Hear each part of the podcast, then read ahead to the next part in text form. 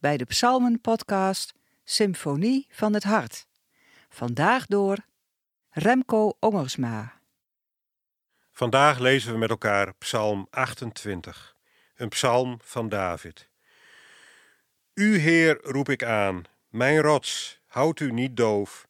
Als u blijft zwijgen, word ik een dode met de doden in het graf. Hoor mijn smeekbeden als ik u roep om hulp, als ik mijn handen ophef naar het hart van uw heiligdom. Ruk mij niet weg met de kwaadwilligen, met hen die onrecht doen, die hun vrienden vrede wensen, maar in hun hart zinnen op kwaad. Geef hun wat ze verdienen, vergeld hun naar hun daden, naar het werk van hun handen. Laat hen voor hun misdrijven boeten. Voor de daden van de Heer hebben ze geen oog, noch voor het werk van zijn handen. Daarom zal hij hen afbreken en nooit meer opbouwen. De Heer zij geprezen. Hij heeft mijn smeekbeden gehoord. De Heer is mijn kracht en mijn schild. Op hem vertrouwde mijn hart.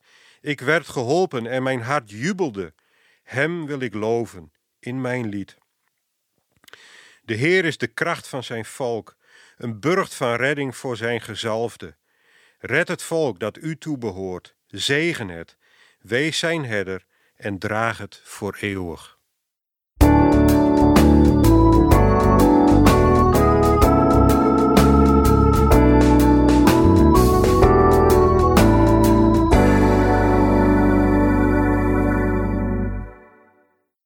Ik kom oorspronkelijk uit Friesland, waar een lange traditie bestaat van het zoeken naar kievitseieren. Dat zoeken beperkt zich overigens niet tot Friesland. Ieder jaar weer lezen we in maart het nieuws dat ergens in het land het eerste kievitsei gevonden is. Nu is het rapen ervan sinds enige jaren verboden. Sterker nog, er is een groeiende aandacht voor wat we weidevogelbescherming noemen. Veel vogels leggen eieren op landbouwgrond en er gaan nogal wat nesten ongewild verloren door agrarische activiteiten. Dat wordt meer en meer voorkomen doordat boeren en vrijwilligers nesten markeren, zodat ze beschermd worden wanneer er met grote machines gemaaid, geploegd of geoogst wordt. Vaak wordt er een soort van kooitje over het nest geplaatst. En dat is maar goed ook. De meeste nesten vallen namelijk helemaal niet op. Dit beeld is op meerdere manieren passend bij Psalm 28. David is hier in nood en voelt zich klein en kwetsbaar. Deze psalm begint dan met een gebed, een smeekbede naar God die aangeroepen wordt, maar blijkbaar al een tijd zwijgt. En dat raakt aan een universeel thema. Ziet God mij wel? Heeft Hij wel echt oog voor mij en mijn situatie? Als God zwijgt kun je je heel erg klein en alleen voelen. David zegt zelfs: Als u blijft zwijgen, Heer, ben ik niet beter af dan de doden. Dan is mijn leven uitzichtloos. Als u blijft zwijgen, word ik een dode met de doden in het graf. De psalm begint dus met een smeekbede dat God hem ziet en ingrijpt in zijn situatie. Maar daar stopt Davids bezorgdheid niet. Zijn tweede angst is namelijk dat God wel zal ingrijpen, maar dan niet alleen het werk van de goddelozen zal afbreken, maar daarbij als het ware als een niets ontziende maaimachine geen oog zal hebben voor het individu en ook het goede zal treffen. Zoals vers 3 het zegt: Heer, ruk mij niet weg met de kwaadwillenden. Het is maar al te herkenbaar voor mensen, ook voor vandaag. Door het kwaad dat we om ons heen zien, kunnen we zomaar in beide geestelijke valkuilen trappen. God hoort mij niet, of ik voel mij zo klein en kwetsbaar als een vogelnestje in hoog gras. God zal in zijn handelen geen oog voor mij hebben.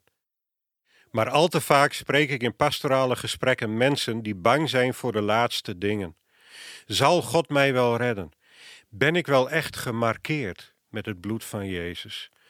Of zal ik ten onder gaan met deze wereld? Het is Jezus zelf die ons een ander perspectief biedt op dit thema. In Matthäus 13 spreekt hij een gelijkenis uit over hoe dat nu zit met het goed en het kwaad in deze wereld. En het blijkt dat God ze samen laat opgroeien.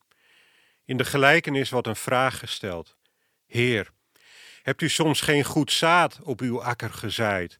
Waar komt dat onkruid dan vandaan? En hij antwoordde: Dat is het werk van een vijand. En de knechten zeiden tegen hem: Wilt u dat wij het onkruid weghalen? Hij antwoordde: Nee, want dan zouden jullie met het onkruid ook het graan lostrekken. Laat beide samen opgroeien tot aan de oogst. Dan zal ik, wanneer het oogsttijd is, tegen de maaiers zeggen: Haal eerst het onkruid weg, bind het in bundels bij elkaar en verbrand het. Breng dan het graan bijeen in mijn schuur. Het leert ons dat God niet altijd in het hier en nu ingrijpt, juist om te voorkomen dat het goede weggerukt wordt samen met het kwade. God zwijgen betekent niet dat Hij geen oog voor ons heeft. God geeft ons de gelegenheid om te groeien, sterk te worden in ons geloof en vrucht te dragen. Pas helemaal op het einde, wanneer het tijd is voor de grote oogst, zal eerst het onkruid, het kwaad, uitgerukt worden en verbrand. Daarna zal het graan bijeengebracht worden. God heeft oog voor het individu. God heeft oog voor jou. In de evangeliën zien we dan ook dat Jezus juist oog heeft voor het kleine en het kwetsbare. Het lijkt dan alsof het besef dat God van zijn kinderen houdt en hen zal bewaren, ondanks de soms moeilijke omstandigheden waarin zij leven, ineens tot David doordringt. De Heer zij geprezen. Hij heeft mijn smeekbeden gehoord. De Heer is mijn kracht en mijn schild. En zijn vernieuwde zekerheid werkt dan als een getuigenis voor al Gods kinderen. De Heer is de kracht van zijn volk, een burcht van redding voor zijn gezalfde. Een burcht van redding een beschermende kooi. Weet dat jouw leven eenmaal in de handen van Jezus gelegd voor de eeuwigheid geborgen is, wat er ook gebeuren zal.